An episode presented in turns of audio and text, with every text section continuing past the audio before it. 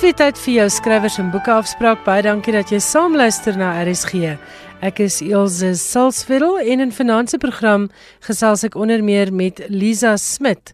Sy is die dogter van Robert en Jean Smit. En Robert was die politikus wat in November 1977 saam met sy vrou Jean in hulle huis in Springs vermoor is. Hierdie moord is nooit opgelos nie en nou 40 jaar na daardie moord praat ons met Lisa Smit oor haar boek wat 'n bietjie meer insig gee in die ondersoek na haar ouers se moorde en ook hoe haar lewe vir altyd verander het daardie donderdag aand in Springs 40 jaar gelede. Dit is dan in die tweede helfte van Finansies skrywers en boeke, maar ons skop die program af met iets veel ligter skrywers en boeke. Alles wat jy oor die boekewêreld wil weet en meer. Vanaand in die skrywers en boeke ateljee is daar twee baie spesiale gaste. Hulle noem hulle self 'n vreemde broumans ook by tye en dit is Erns Grindling wat ons leer ken het as 'n joernalis en 'n skrywer van 'n reisboek oor die Camino En skalk beside note. Nou, ek weet nie of daar goeie Afrikaans is vir 'n stand-up comedian nie. Daar is nie goeie Afrikaans vir 'n stand-up comedian nie, ongelukkig. Goed, maar baie welkom in die ateljee menere. Julle is hier om te gesels oor julle gesamentlike boek Truitjie roer my nie oor Kempton en ander K-woorde. Ja. Baie geluk met die boek se verskyning. Baie My dankie. eerste vraag is, is dit 'n memoir? Ons het reeds van Metaf besluit toe die boek idee gebore is dat dit beslis nie 'n autobiografie of 'n memoir as sulk sal wees nie want Skalk het maar baie onlangs eers 26 jaar oud geword en vir hom om so jong ouderdom reeds 'n volwaardige memoir te laat publiseer het ons albei gevoel is bietjie te voortydig As ek en nou Kurt Cobain was wat deel was van die 20 27 club of, of Amy Winehouse, jy weet, wat op 'n vroeë ouderdom dood is, dan Ja. maybe kon dit 'n tipe memoir of En jy speel ook die rugby nie, nou, so jy kan nou nog nie jou rugby memoirs neerskryf. Nee, en ek doen nie 'n tipe sport waar mense op 'n jong ouderdom al aftree nie. Skalkie is baie ver van uit af. Om die waarheid te sê, hy begin nou eers. So nee, dit is nie 'n memoir nie, maar um, wat ons wel probeer het met die boek is om 'n 'n blik te gee op op Skalk se grootword jare en sy inspirasie wat hom daartoe gelei het om 'n stand-up komediant te word en dan sy eerste 5 6 7 jaar in die bedryf en baie van die komedie avonture wat hy beleef het en wat ons ook saam beleef het op die lang pad. Goed, Skalk, hoe Mm. het jy gevoel toe Ern sê kom ons skryf 'n boek? Was dit iets wat jy wou doen? Dit het my dadelik opgewonde gemaak omdat ek dadelik geweet het ons het baie stories om te kan vertel. Daar's klaar baie inligting. Ons moet dit net gaan soek en dit neerskryf. En ek het nog nooit eintlik geskryf nie. Ek skryf stand-up. Ek skryf dit in my kop en dan gaan doen ek dit op die verhoog. Mm. Ek skryf dit eintlik maar bitter meneer. Ek het aan die begin van my loopbaan my grappe half uitgetik op 'n Word dokument net as 'n tipe argiewe en die idee daarvan om snaakse stories te deel maar ook in 'n manier wat lekker en waar bietjie kon kreatief raak met skryfwerk was vir my lekker. Aanvanklik het ek en Erns gedink dat ek gaan basies net klomp inligting in 'n Word dokument stuur en dan gaan Erns dit moet oorskryf met jy weet as briljante skrywer wat hy is, maar ek het myself dink ek nogal bietjie verras en dit was toe nie nodig regtig om om my goed heeltemal oor te skryf nie. Ja, dit was eintlik glad nie nodig om om sy goed oor te skryf nie en bloot eintlik net vir taalfoute te kyk. Ek was self ook aangenaam verras want Dit was wat ek wou sê aangenaam verras. Is algemeen verras. verras nie. Dit ja, is almal- ons- almal is verras. Ons hoop uh, die die boeke self verras dat hy in so baie mandjies val by die by die winkels. Maar um, so so ek dink ek dink ja, wat wat gebeur het is Skakel tot sy eie stoom begin hoofstukke skryf en dit vir my voorlees in die kar as ons na een of ander bestemming ry Ja. en ek het so met die geluister en begin dink, nee maar wag, hy hy's kan hy's nie net goed op die verhoog nie, hy's goed op die laptop ook. En ek het toe besef my werk raak eintlik aansienlik minder. En ek dink ook dit is nou nie presies dieselfde tipe boek natuurlik nie, maar ek dink 'n boek soos Trevor Noah se Born a Crime wat ehm um, as ek dit nou reg het begin verlede jaar of bietjie voor dit Ja, so middel het- verlede jaar, ja. Ja, het ehm um, was ook vir ons albei nogal baie inspirerend geweest. Ehm um, veral ook ek dink omdat Trevor op die oomblik hierdie absolute ikoniese komediant en nuus satire aanbieder is wêreldwyd en Skalkie ook natuurlik al gereeld vir Trevor opgetree in sy voorprogram. Mm. Het dit soort van vir ons 'n kompasnaald gewys in die rigting waarheen ons wil wil gaan. En ook omdat Trevor eintlik maar ehm um, ek dink hy sal in toekomstige boeke meer praat oor sy stand-up comedy, maar ook omdat hy stories deel uit 'n punt waar sy loopbaan nog ver van verby is. Dit was vir ons belangrik. Ek dink dis die tipe boek waar oor 5 jaar kan ons amper 'n Truitjie roer my nie 2 skryf en dan oor nog 5 jaar 'n Truitjie roer my nie 3 waar ons gaan okay wel hier's wat gebeur het sedert jy die die eerste boek gelees het hier's wat gebeur het in die volgende 5 jaar. So sê vir die luisteraars waar gaan die boek? Ja, so dit begin by die begin my grootword jare, my belangstelling in komedie van 'n jong ouderdom af, hoe ek op skool al sonder dat ek dit eintlik geweet het begin het met stand-up. Ehm um, jy weet voor die skool net om half die skool te vermaak. Maandagooggende in die saal. Ja, ja, ja, ja. En dan hoe ek eintlik toe nou nie ingekom het by UCT se drama departement nie want my my groot droom was altyd akteur, akteur, akteur. Ek het nooit regtig aan stand-up eers gedink want ek het baie naïef gedink as ek 'n comedian is gaan niemand my ernstig opneem as akteur nie, so ek wil wegbly van komedie. Mm. En toe ek die eerste keer nie inkom nie, ek het éventueel ingekom toe ek vir 'n tweede keer probeer, maar toe ek die eerste keer nie inkom nie, toe was natuurlik my klasse meer teorie klasse. En ek wou net op 'n verhoog kom en toe ontdek stand-up. Selfs op daai stadium toe ek stand-up begin het, het ek ook gedink, ja, dit kan net maar lekker stokperdjie wees en dan eendag wanneer ek akteur is, wanneer ek nie werk het as akteur nie, kan ek dan bietjie stand-up doen as 'n ekstra inkomste. Nou is dit heeltemal andersom. andersom. Nou is dit ek is 'n voltydse komediant en wanneer ek die geleentheid kry om toneel te speel, dan doen ek dit graag. En dan van dat ek en Erns ontmoet, jy weet wat die laaste 3 jaar saam shows doen, baie van daai avonture wat ons al ervaar het op klein dorpies, shows waar ek saam met Erns was of alleen, die dinge wat ek daar ervaar het. So dis agter die skerms kyk na Ja, na ek- ek hou nie eintlik- en feeste en Presies en ek hou nie van die woord staaltjies nie. Dit dit voel bietjie bietjie tolla van 'n merwerig en dis dis nie heeltemal so nie, maar maar tog staaltjies uit ons Ja, want Ern sê sommer in die voorwoord al jy gaan hom skiet oor die woord staal. Ja. Ja, nee, as 'n paar as 'n paar woorde wat vir skalk dwars in die kop steek. Een van hulle is staaltjies en die ander een is puik.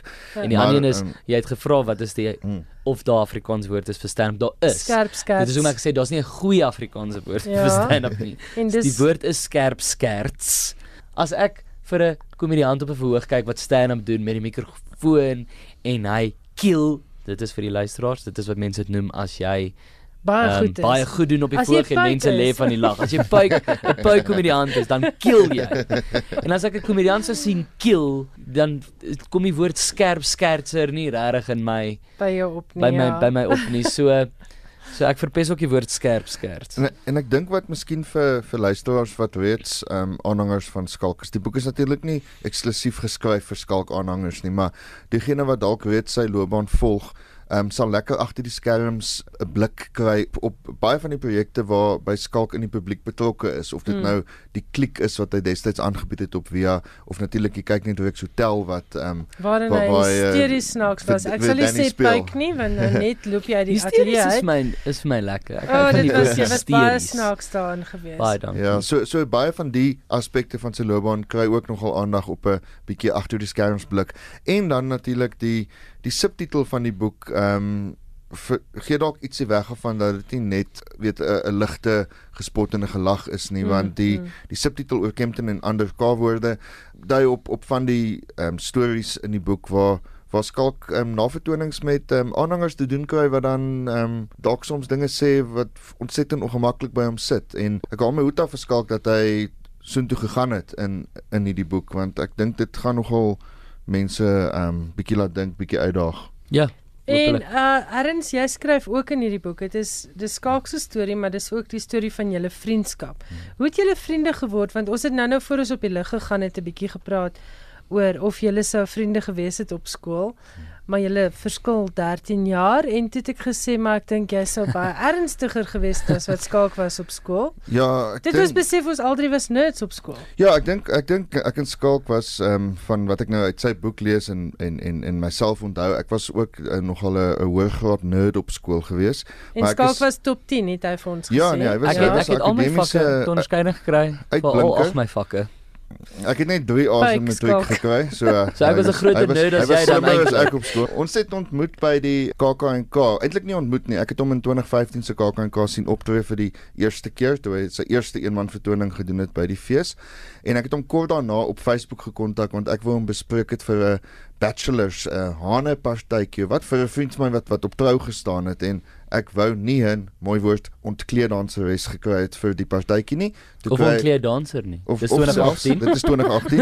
Ehm um, maar toe toe besluit ek maar eerder op 'n op 'n Skerp skerpse en ehm um, 'n puik skerp skerpse daarbey wat um, nie staaltjies kom vertel het nie, maar ons het baie lekker vermaak daar en daar in die parkeerterrein het ons begin gesels en hy sê toe hy hy het nogal 'n behoefte dat iemand hom bietjie help met met alles van admin tot die klankbord met sy materiaal Ja. en so tipe samewerking en ek het toe vir hom gesê ek stel vreeslik belang maar ek moet net gou vir 40 dae in Spanje gaan loop Ja, en maar jy moet sodra net ek net terug gou 'n is- boek om te skryf, maar dan dan is jy terug. Ja, ja. En jy's 'n reisjoernalis, dis ons jou leer ken het. Baie mense sal jou naam herken van al jou wonderlike reisstories en weg.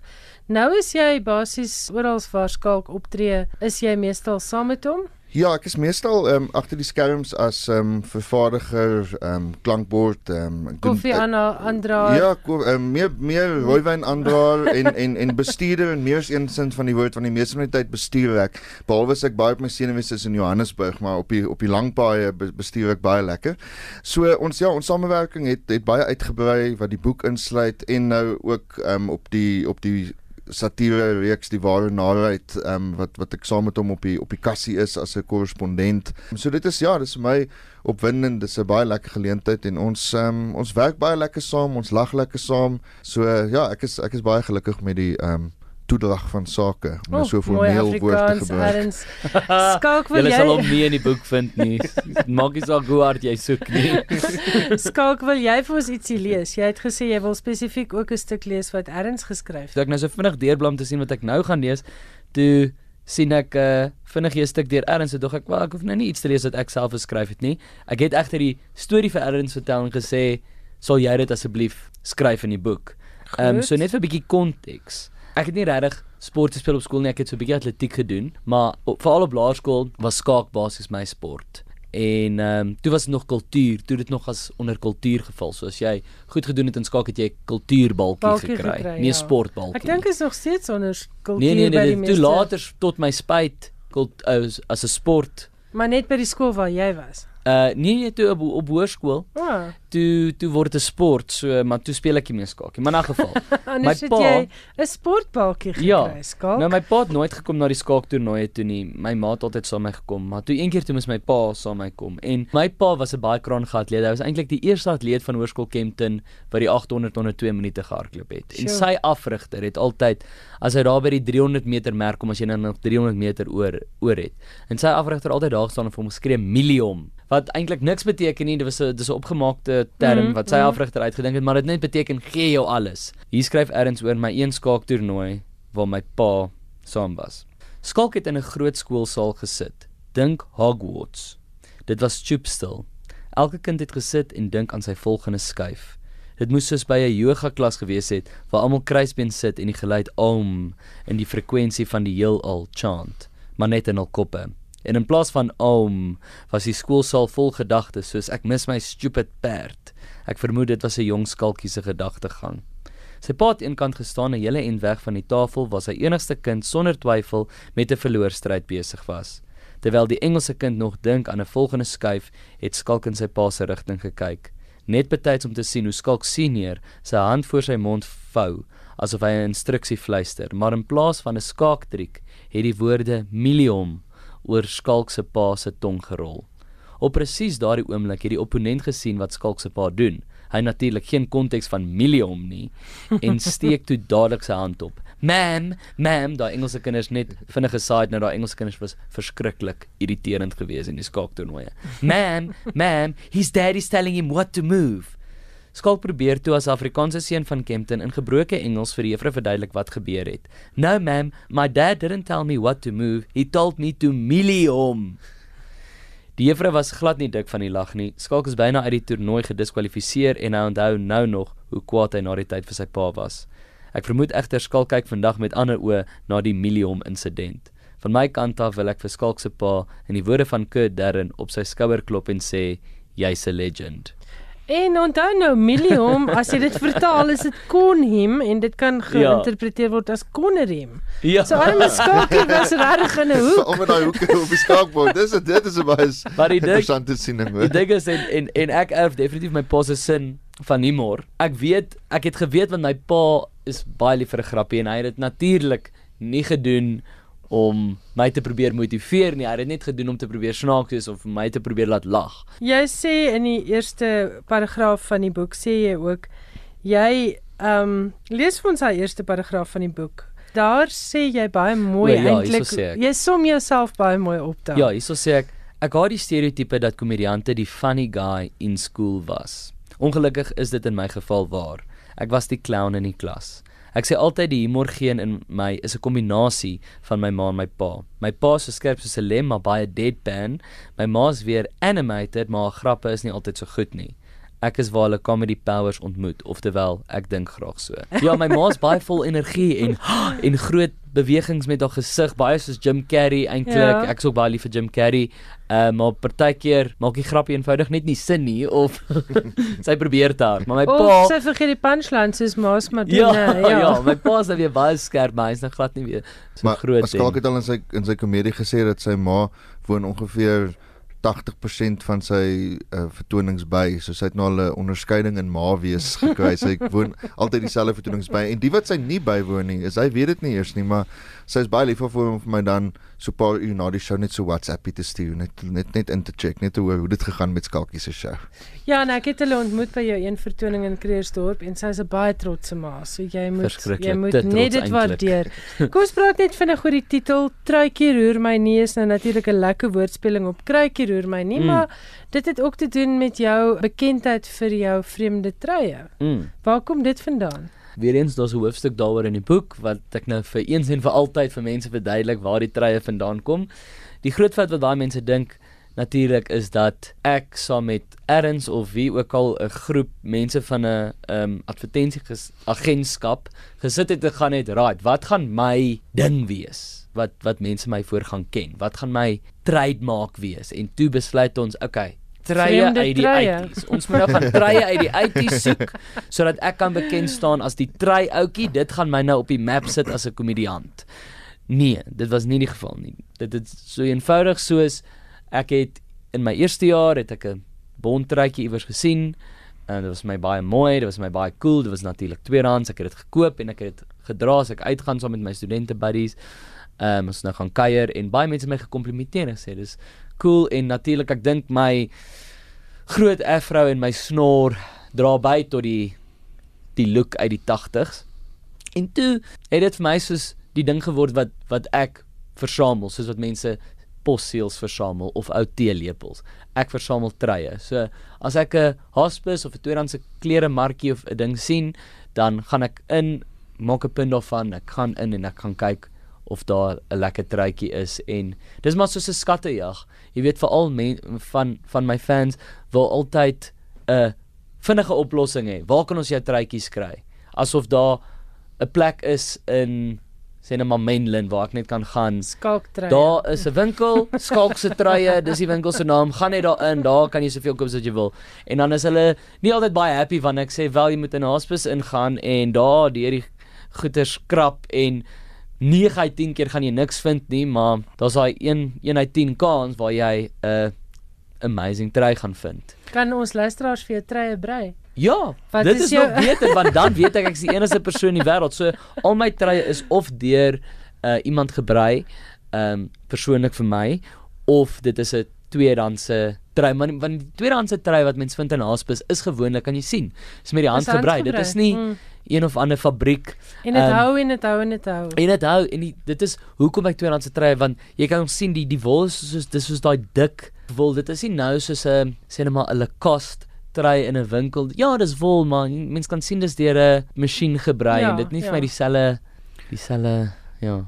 Ek is natuurlik ook omdat omdat ek 'n redelike groot nerd is, hou ek baie van 'n woordspel van pan. Mm. My vriend Louis kom praat altyd van eensame woordspel. So ek het op een so eensame aand toe dink ek nou aan die frase truitjie roer my nie en dit is nou maar ek het eers aan kruitjie roer my nie gedink en toe dink ek dis nou baie oulik en en uniek en so.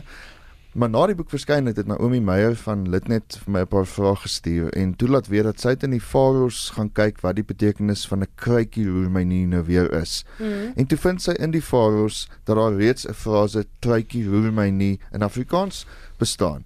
En ek het dit glad nie geweet nie. En, en wat beteken dit? En die definisie van 'n truitjie roer my nie verstaan ek self nie so lekker nie, maar volgens die Faros is dit 'n spotnaam vir 'n prikkelbare vermaaksieke persoon. Maar skalkie is daarom nie dit nie. Hy's nie 'n vermaaksieke mens nie. Maar, maar, maar, maar wat wat dink jy beteken vermaaksieke mens is dat ek so baie mense vermaak dat ek word skoon siek daarvoor want dit gebeur. As ek klomp shows in 'n ry het, dan is ek die volgende week sê net maar daai daai naweek wat ons ons het die Atterbury Theater in Pretoria 2 aande gedoen. Hmm. Toe vlieg ons die volgende oggend vroeg PE toe, toe doen ek 'n show in PE. Toe vlieg ons die volgende dag terug Ouer Tambo lughawe toe en ry van Ouer Tambo dadelik Hoedspruit toe. Doen 'n show in Hoedspruit en toe moes ons terugkom en die tekste finaliseer vir die ware narheid. En toe daai maandag toe ek siek. Dis jy vermaak siek. So, wat wat wat my immuunstelsel wat my immuunstelsel is vrot en Ja, jy was vermaak siek en weens jou vermaak siekte was jy prikkelbaar. Ja. So ek dink vermaak siek, ja, as ek So die Faroes het daai woord geskep met skalk besidenout, die skerp skertser, die pyk skerp skertser. Ja in gedagte. En ek dink Els ons het nou saam met jou in die RSG ateljee daardie definisie ons het nou tot stand gebring. En ek kan jou beloof ek het 'n gevoel dat maandag gaan ek weer vermaak. Ek gaan vir vir Markske komediante 'n uh, 'n Corenza en 'n rooi wyntjie moet aandra, lyk dit vir my. Ja, en ek dink julle gaan moet eers vir 'n truitjie gaan soek. dit was so lekker om met julle te gesels Erns Grinling en Skalk Besidenout. Truitjie roer my nie oor Kempton en ander K-woorde word uitgegee deur Quillery. Quillery uitgewers en jy kan hom reeds op die rakke kry. Is so maand toe wat gelede bekend gestel. Lekker lees. Ek dink dit is 'n boek vir skalk se bestaande aanhangers, maar dalk ook iets wat vir julle nuwe aanhangers gaan bring. En skalk baie voorspoed met jou loopbaan en baie dankie. Erns drama die Corenza aan vir die prikkelbare vermaak siekte, hoor. Ek maak so baie dankie. Truitjie roer my nie deur Skalk Besoudnat en Erns Grinling word uitgegee deur Kolerie Uitgewers. Hierdie is skrywers en boeke en ek is Elsje Salzwetel. Dankie dat jy aangeskakel het. Ek het so 2 weke gelede 'n program gehad waarin jong lesers boeke moes resenseer en daar was onder andere 'n baie oulike resensie oor De Wet Hugo se Grillgrypers, Die vloek van Vreesbaai en Web van die Mammie. Nou, die rede hoekom ek vanaand met Dewet Hugo gesels is omdat hy net tydelik in die land is. Hy werk eintlik in die buiteland en sy derde grillgrypersboek Kamp vir Monsters het sopas verskyn. Goeienaand Dewet Hugo, baie welkom by Skrywers en Boeke. Dankie Ilse. Ek wil alles weet. Waar kom jy vandaan? Waar kom hierdie liefde vir skryf vandaan? Hoekom kies jy om grillerige stories te skryf?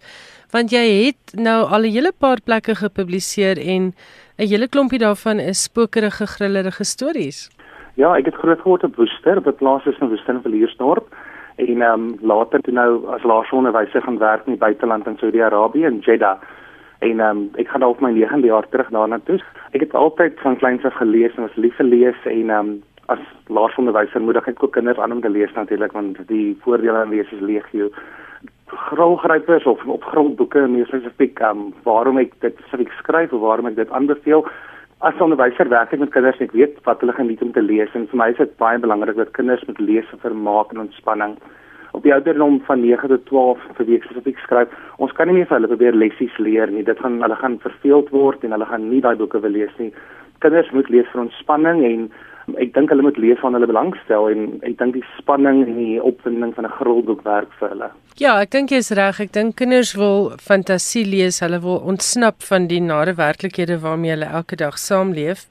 En ek dink 'n spookstorie is nog 'n lekker nuwe manier om dit in Afrikaans te doen want ons het nie onlangs 'n klomp uh spookerige boeke vir jong lesertjies gehad nie.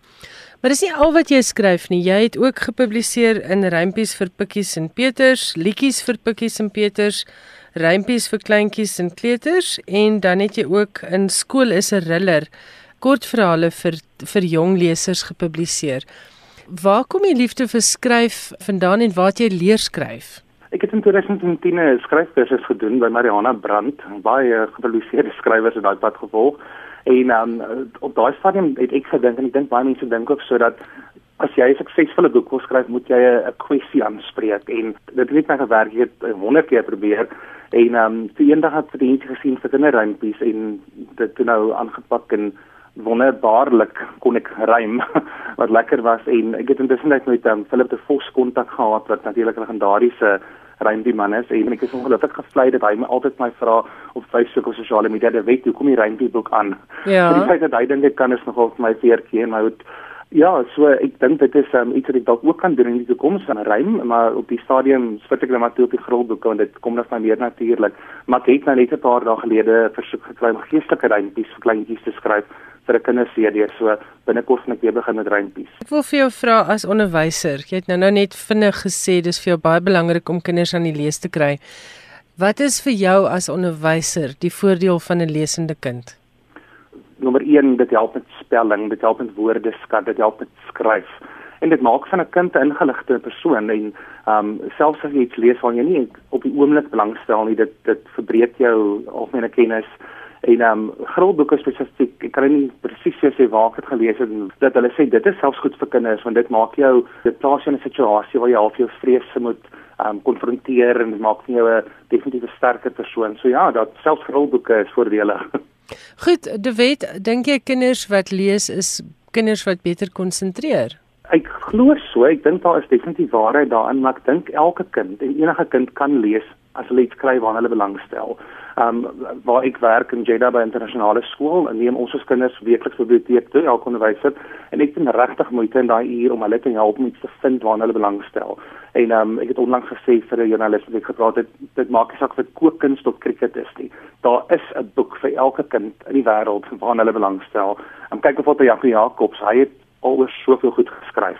Kinders kan vind um waarna hulle belangstel om te lees.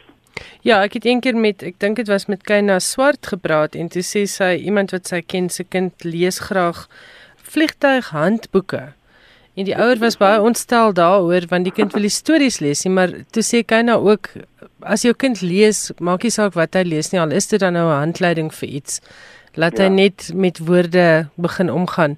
En ek het vanoggend toevallig 'n interessante statistiek gelees, dit kos so min as 20 boeke in jou huis om van jou kind 'n leser te maak want iets van daardie liefde vir woorde begin dan ook in jou huis regtig lewe kry.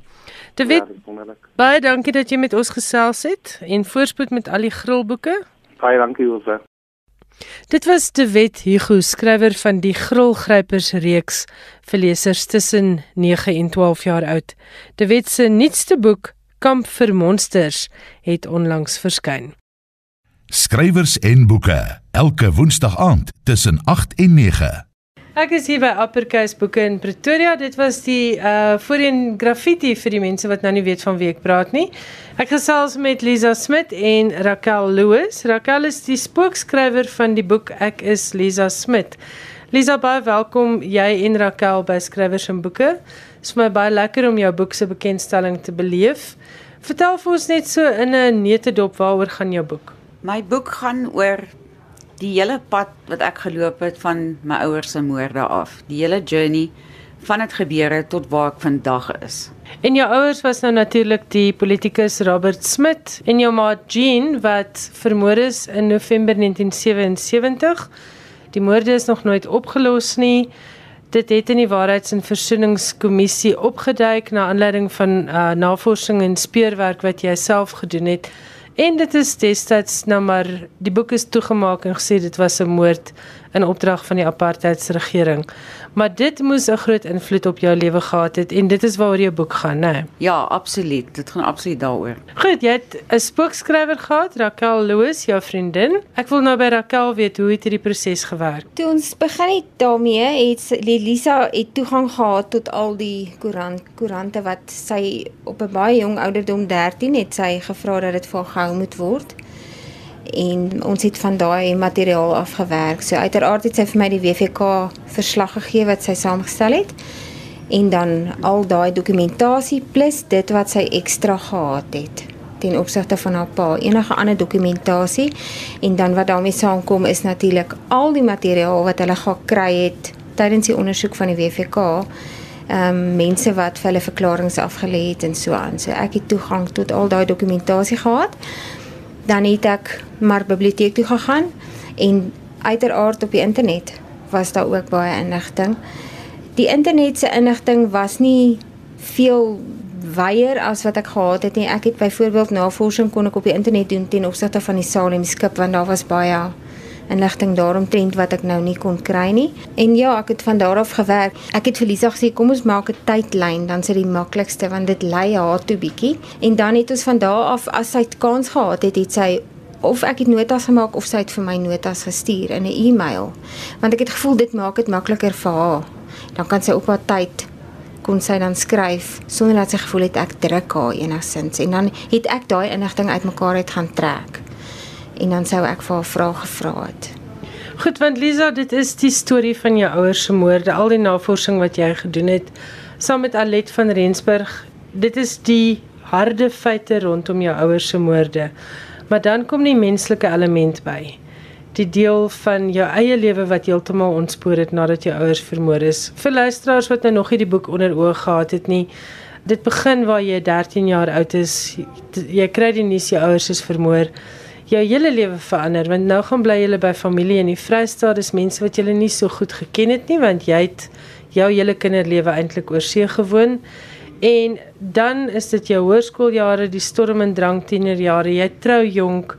Dis die storie van jou eerste huwelik, van jou egskeiding, van jou tweede huwelik en dan al hierdie dinge wat jy moet vrede maak mee en dan gebeur daar boonop 'n ongeluk wat jou seun verlam laat. Dit's baie emosionele goeters.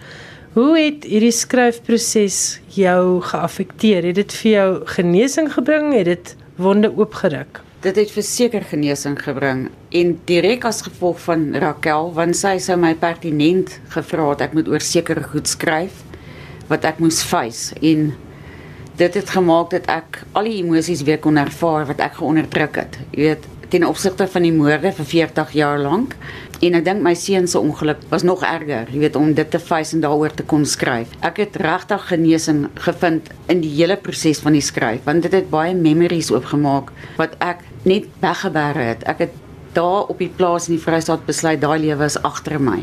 Ek kan nie daaraan vas aan nie, ek kan nie teruggaan soontoe nie. Ek moet nou sink of swem. So ek het net nooit weer daaraan gedink nie. En toe Raquel my lewe kom het ons hierdie boek kan begin skryf. Het sy my na seer plekke toe gevat, jy weet, en die roofies is afgeruk. En dit was nodig. So dis my belangrik die mense weet alles wat my gebeur het was as gevolg van die moorde, besluite, keuses en alles wat ek gemaak het. En ek is dankbaar teenoor Raquel dat sy bereid was om hierdie storie te doen en te skryf vir my wat sy met verskriklik baie empatie gedoen het. Sy het regtig baie mooi in my hart geloop. Dis nie 'n maklike onderwerp nie. Jy moes Lisa uiteindelik ook gelei het.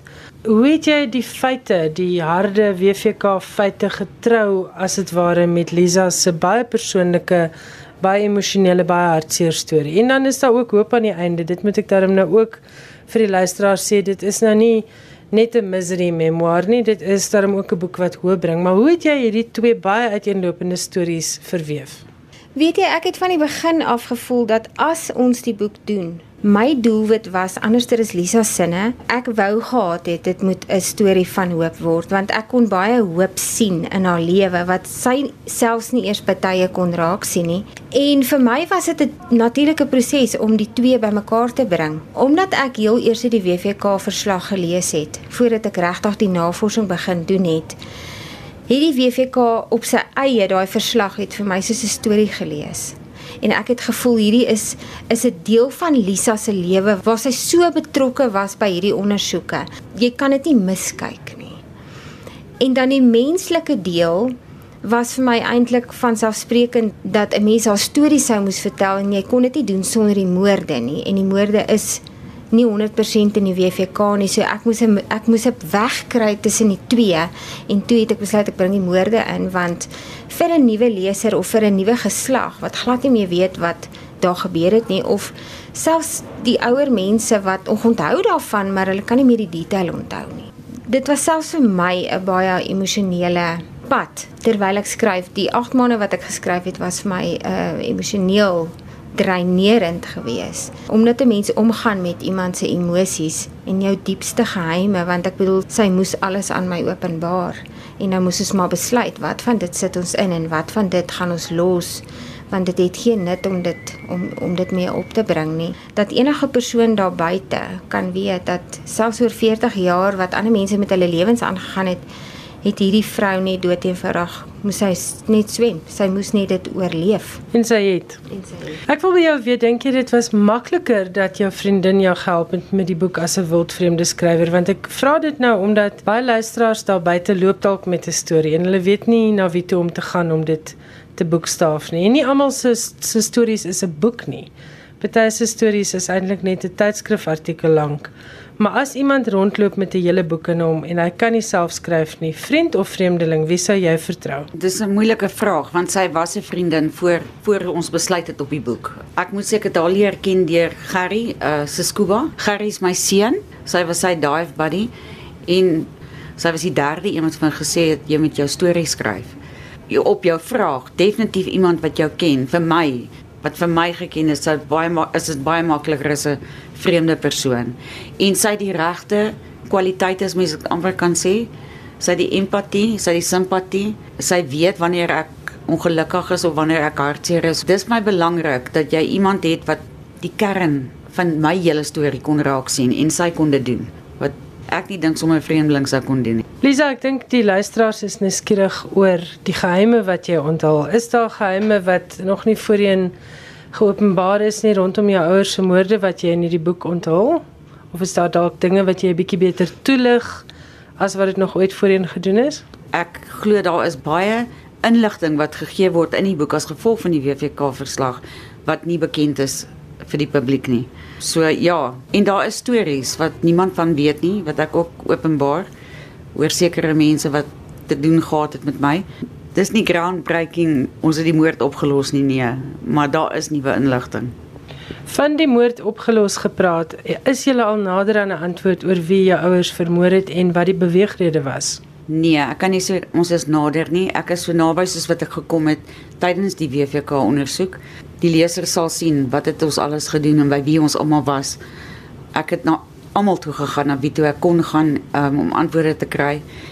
En ek dink uh, ons het 'n redelike begrip van wat het gebeur. Jy weet uh, en omdat die WVK bevind het dit is 'n politieke moord deur die nasionale party gereël wat so erg is dat dit teen hulle eie man was was dit vir my ek wil nie sê afsluiting nie maar dit was vir my genoeg. Ek het nodig gehad om dit te weet dat hulle dit bevind het. Net vir luisteraars wat sou belangstel die boek onthul niks niets soos Lisa sê oor die moorde nie. Ons almal weet dis 'n moord wat nog steeds 'n groot misterie gehul is. Maar wat vir my ongelooflik treffend en interessant was, was die soektog, die hele stryd om die waarheid te probeer uitvind en die paadjies waarop dit Felisa Smit geneem het en dan ook hoe hierdie ongelooflike trauma haar lewe beïnvloed het en hoe sy deur daai lewe moes worstel en hoe sy op 'n dag moes besef so kan dinge nie aangaan nie. En ek dink dit was vir my die lekkerste van die boek is dat daar 'n daar was 'n ontknoping, daar was 'n dag waarop jy geknak het en wat jy besluit het jou lewe is genoeg ontwrig jy gaan dit terugneem. So wel gedaan met jou boek. Ek hoop dit verkoop baie goed.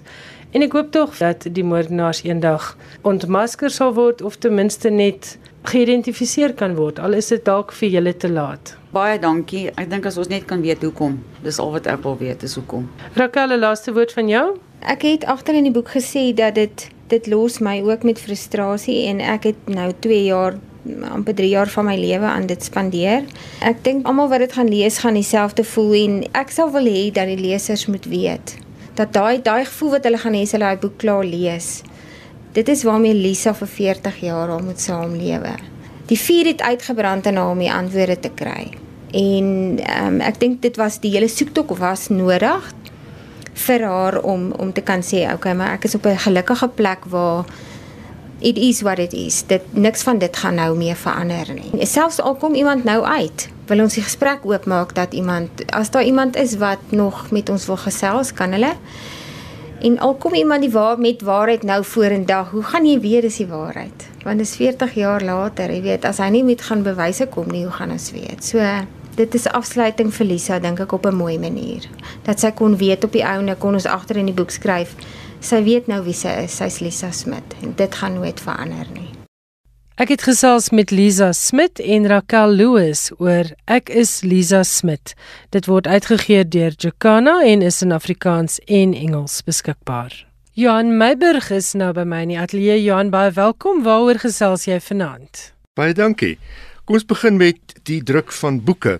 Alle aanduidings is dat die gebruik van e-boeke, Kindles en tablette aan die taan is en dat papierboeke 'n besliste terugkeer maak in die buiteland en ook hier ter plaatse. The Guardian het vroeër al berig in Brittanje was dit skermfoosheid wat daartoe gelei het dat verkope van gedrukte boeke in 2016 die hoogste in 5 jaar was. Maar 'n onlangse artikel in Financial Mail dui op 'n positiewe uitkoms wat nou saamhang met die opswaai in gedrukte boeke. Die boekdrukbedryf is nou gereed met planne om toe te sien dat boeke voortaan in Suid-Afrika gedruk word en nie meer elders soos voorheen nie. Die koerant berig dat die Suid-Afrikaanse Tipografiese Vereniging, die Suid-Afrikaanse Boekontwikkelingsraad en Printing South Africa gevra het vir 'n spitsberaad onder meer met die oog op die herlewing van drukwerk in die land. Die praktyk dat boeke in die buiteland gedruk word, is op die agenda, het Steve Tobela, uitvoerende hoof van Printing South Africa, aan Financial Mail gesê. Suid-Afrika het nie 'n beleid oor die druk van boeke nie en daar is ook geen aanmoediging om boeke in die land te druk nie. Elita van der Sand, uitvoerende hoof van die Suid-Afrikaanse Boekontwikkelingsraad, het gesê Suid-Afrika het byvoorbeeld 'n motorbedryf ontwikkelingsprogram, maar geen plan om die boekbedryf te bevorder nie. Is motors dan belangriker as boeke, wou sy weet. Dit sal tot die voordeel van die land, die bedryf, verbruikers en die onderwysstelsel wees as boeke voortaan in Suid-Afrika gedruk kan word. Volgens haar is slegs 14% van die bevolking toegewyde boeklesers, terwyl soveel as 58% van alle huishoudings nie 'n enkele ontspanningsleesboek in die huis het nie. Die onrusbarende slotsom van die artikel kom van 'n woordvoerder van Penguin Random House wat gesê het dat hoewel verkope van e-boeke afneem, is die verkope van gedrukte boeke eweneens stadig besig om af te neem in die land. Wel, dit maak absoluut 100% sin want die land kry ekonomies swaar. En die ander ding waarteen hulle net moet waak met plaaslik druk is dat dit nou nie weer um baantjies vir boeties raak en skelm kontrakte en snaakse tenders nie want dan gaan dit uiteindelik nie goedkoper wees om boeke te druk nie en wat ons nodig het en ek dink jy stem saam is baie dringend 'n herbekyk van boekpryse want die boeke raak al hoe duurder en ons salarisse krimp eweneens dit maar ook BTW op boeke. 15% BTW. Dis iets dis iets wat uh, wat 'n mens nie kan uh, jy kan nie dit ten min benadruk dat dat mens moet wegbeweeg van belasting op boeke.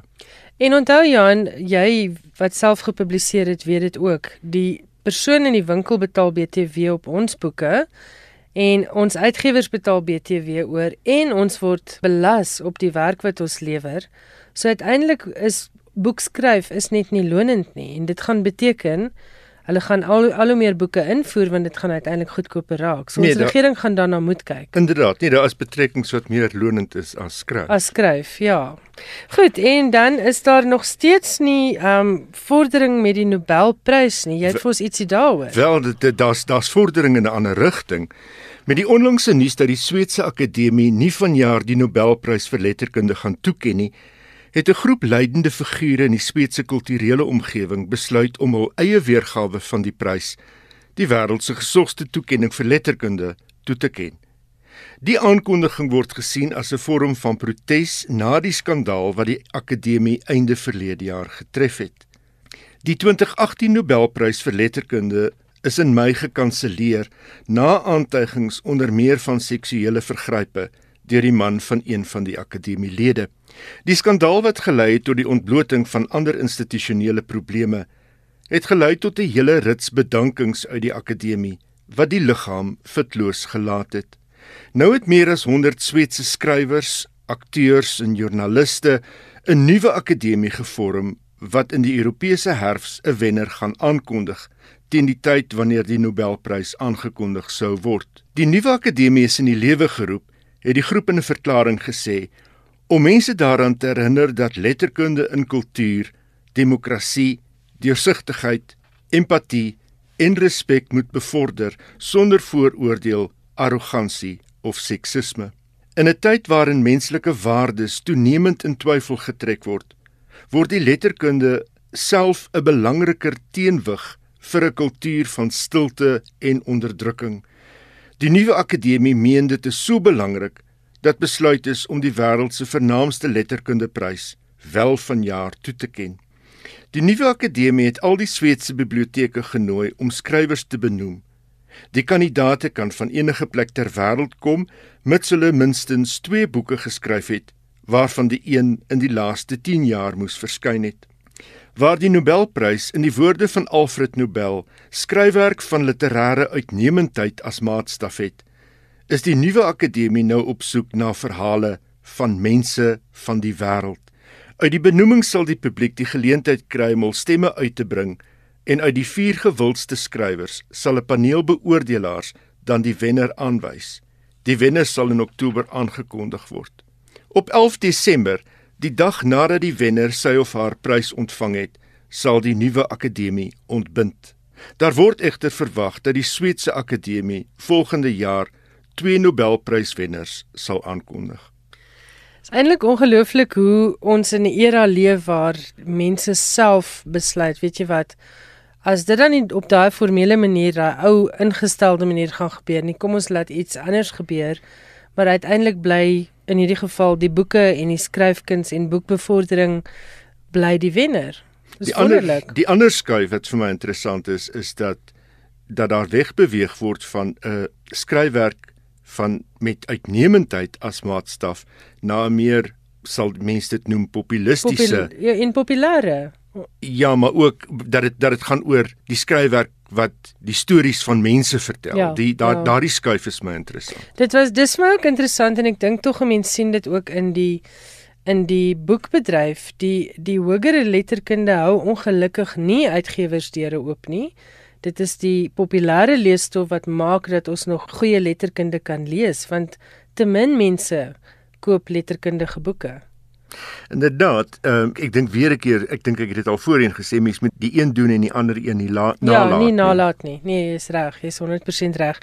Dan het jy ietsie oor die Kynprys. Ja, die die 2018 Kynprys vir skryfwerk uit Afrika is verlede week toegekend aan die Keniase skrywer Makena Onjerika vir haar kortverhaal Fanta Blackcurrant. Die toekenningsgeleentheid is vanjaar weer in samewerking met die Universiteit van Londen se School for Oriental and African Studies, ook bekend as SOAS, in die universiteit se Senate House toegeken.